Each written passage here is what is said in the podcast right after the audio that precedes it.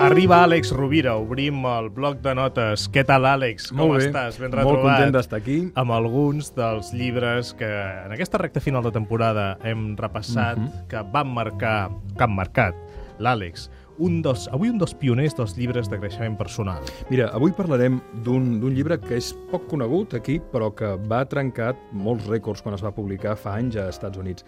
El llibre es diu Un camí sense petjades. En català no, és, no està publicat, eh, està publicat en castellà amb el títol de Un camino sin huellas, o també hi ha una versió idèntica que es diu La nueva psicología del amor. Un camino sin huellas o La nueva psicología del amor. Un camí sense petjades. L'autor és el doctor Scott, amb dues T's, Peck. P-E-C-K. Uh, qui era el doctor Speck? Doncs era el fill d'un important advocat de Nova York, va néixer l'any 36 i es va graduar en Medicina per Harvard. Va treballar en els serveis mèdics de l'exèrcit i um, quan tenia 39 anys, a l'any 78, com dèiem abans, va publicar aquest llibre que va entrar en les llistes dels més venuts del New York Times i es va mantenir gairebé 6 anys. Aleshores va, va romandre com un dels llibres més venuts en aquesta llista i va entrar en el llibre Guinness dels Rècords. En qualsevol cas, estem parlant d'un autor poc conegut però d'un llibre molt necessari, perquè a diferència de la immensa majoria dels manuals d'autoajuda en el llibre del doctor Scott Peck, el que em va sobtar molt és que comença amb una premissa i amb una frase, molt certa, no? Diu, la vida és difícil. I el creixement personal és una tasca difícil i complexa que pot durar tota la vida. A partir d'aquí, aquest psiquiatre que es nota que és cristià, però diguéssim no, no fa apologia de les seves creences, però se li nota, i està molt bé, amb la manera en la que ho aborda tot plegat, parla de qüestions com el mite de l'amor romàntic, el o el mal, les malalties mentals, l'esforç, la constança, la tendresa, toca tota una sèrie d'aspectes que, sens dubte, el podrien ubicar en el que avui es coneix com llibres d'autoajuda o creixement personal, però ell no ho va fer amb aquesta intenció i va suposar un, un gran èxit en el seu moment. Cada un dels temes estan il·lustrats amb històries, històries molt properes, reals de la seva experiència com a, com a psicoterapeuta, i d'alguna manera el punt de partida del llibre és que un cop coneixem allò que és pitjor, i l'hem portat avui precisament perquè estem en un moment de crisi on hi ha gent que ho està passant malament, no? Uh, i que fa l'efecte que aquesta crisi no només afecta la dimensió econòmica, sinó moltes altres, no? es belluguen sistèmicament molt, moltes coses. El doctor Peck diu, mira, diu, un cop coneixes allò que és pitjor, ets lliure de veure què hi ha més enllà d'això. En aquest eh, llibre veurem que les influències abarquen des de la mística cristiana fins a Freud, passant per l'espiritualitat eh, i, altres, i altres qüestions. En qualsevol cas, és una mostra molt significativa de la cultura espiritual contemporània.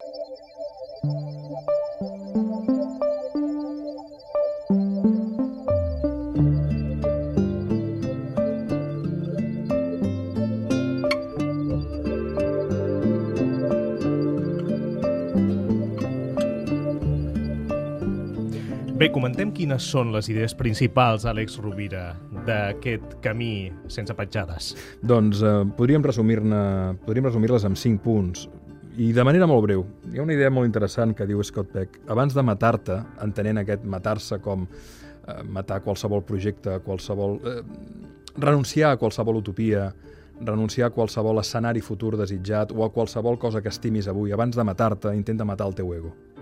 És interessant. La segona diu els problemes es solucionen a través de la disciplina, el treball dur i això de vegades implica patiment però probablement és un dels camins que ens, ens ajuda a reconèixer la dimensió dual de l'existència i, per tant, un cop hem arribat al final d'aquest camí, encara que no hem aconseguit el que hem desitjat, eh, veiem la vida de manera diferent, perquè si hem viscut a cor obert, ho haurem integrat. La tercera idea és que és cert que la veritat ens acaba fent lliures, però és possible que moltes vegades ens emprenyem moltíssim amb aquesta veritat i ens costi acceptar-la. La quarta és que el dubte és el principi de la saviesa i que, per tant, és important eh, fer l'exercici conscient d'anar qüestionant tot, des dels hàbits que tenim fins a les idees preconcebudes que tenim o el que considerem que som nosaltres mateixos.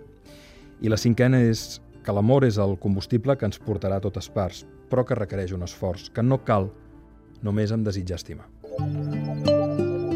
I un fragment, abans d'acabar, si plau. Farem un fragment um, molt interessant, molt bonic.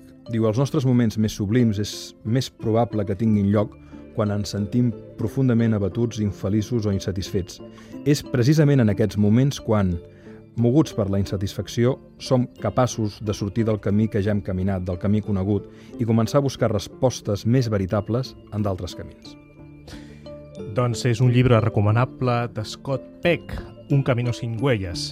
Un Àlex, sense petjades. Tu, només un, un dubte. Abans et feies referència a la crisi. Deies que bé que no només posa en qüestió eh, diguem, aspectes econòmics. La dimensió econòmica, sí. Eh, Quins altres? És que mm, des del meu humil punt de vista estem en una crisi de consciència, no és una crisi econòmica. L'economia és un símptoma de la psicologia.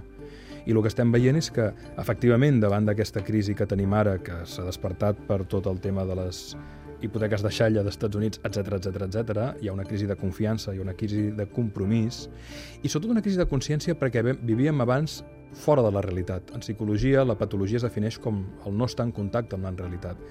Quan, per exemple, als Estats Units la taxa d'endeutament és d'un 320% del PIB, del producte interior brut, de tot el que es produeix en l'economia en un any, i aquí a l'Estat és del 220, evidentment eh, no érem conscients de que estàvem hipotecant no els nostres diners, sinó el nostre temps i la nostra vida.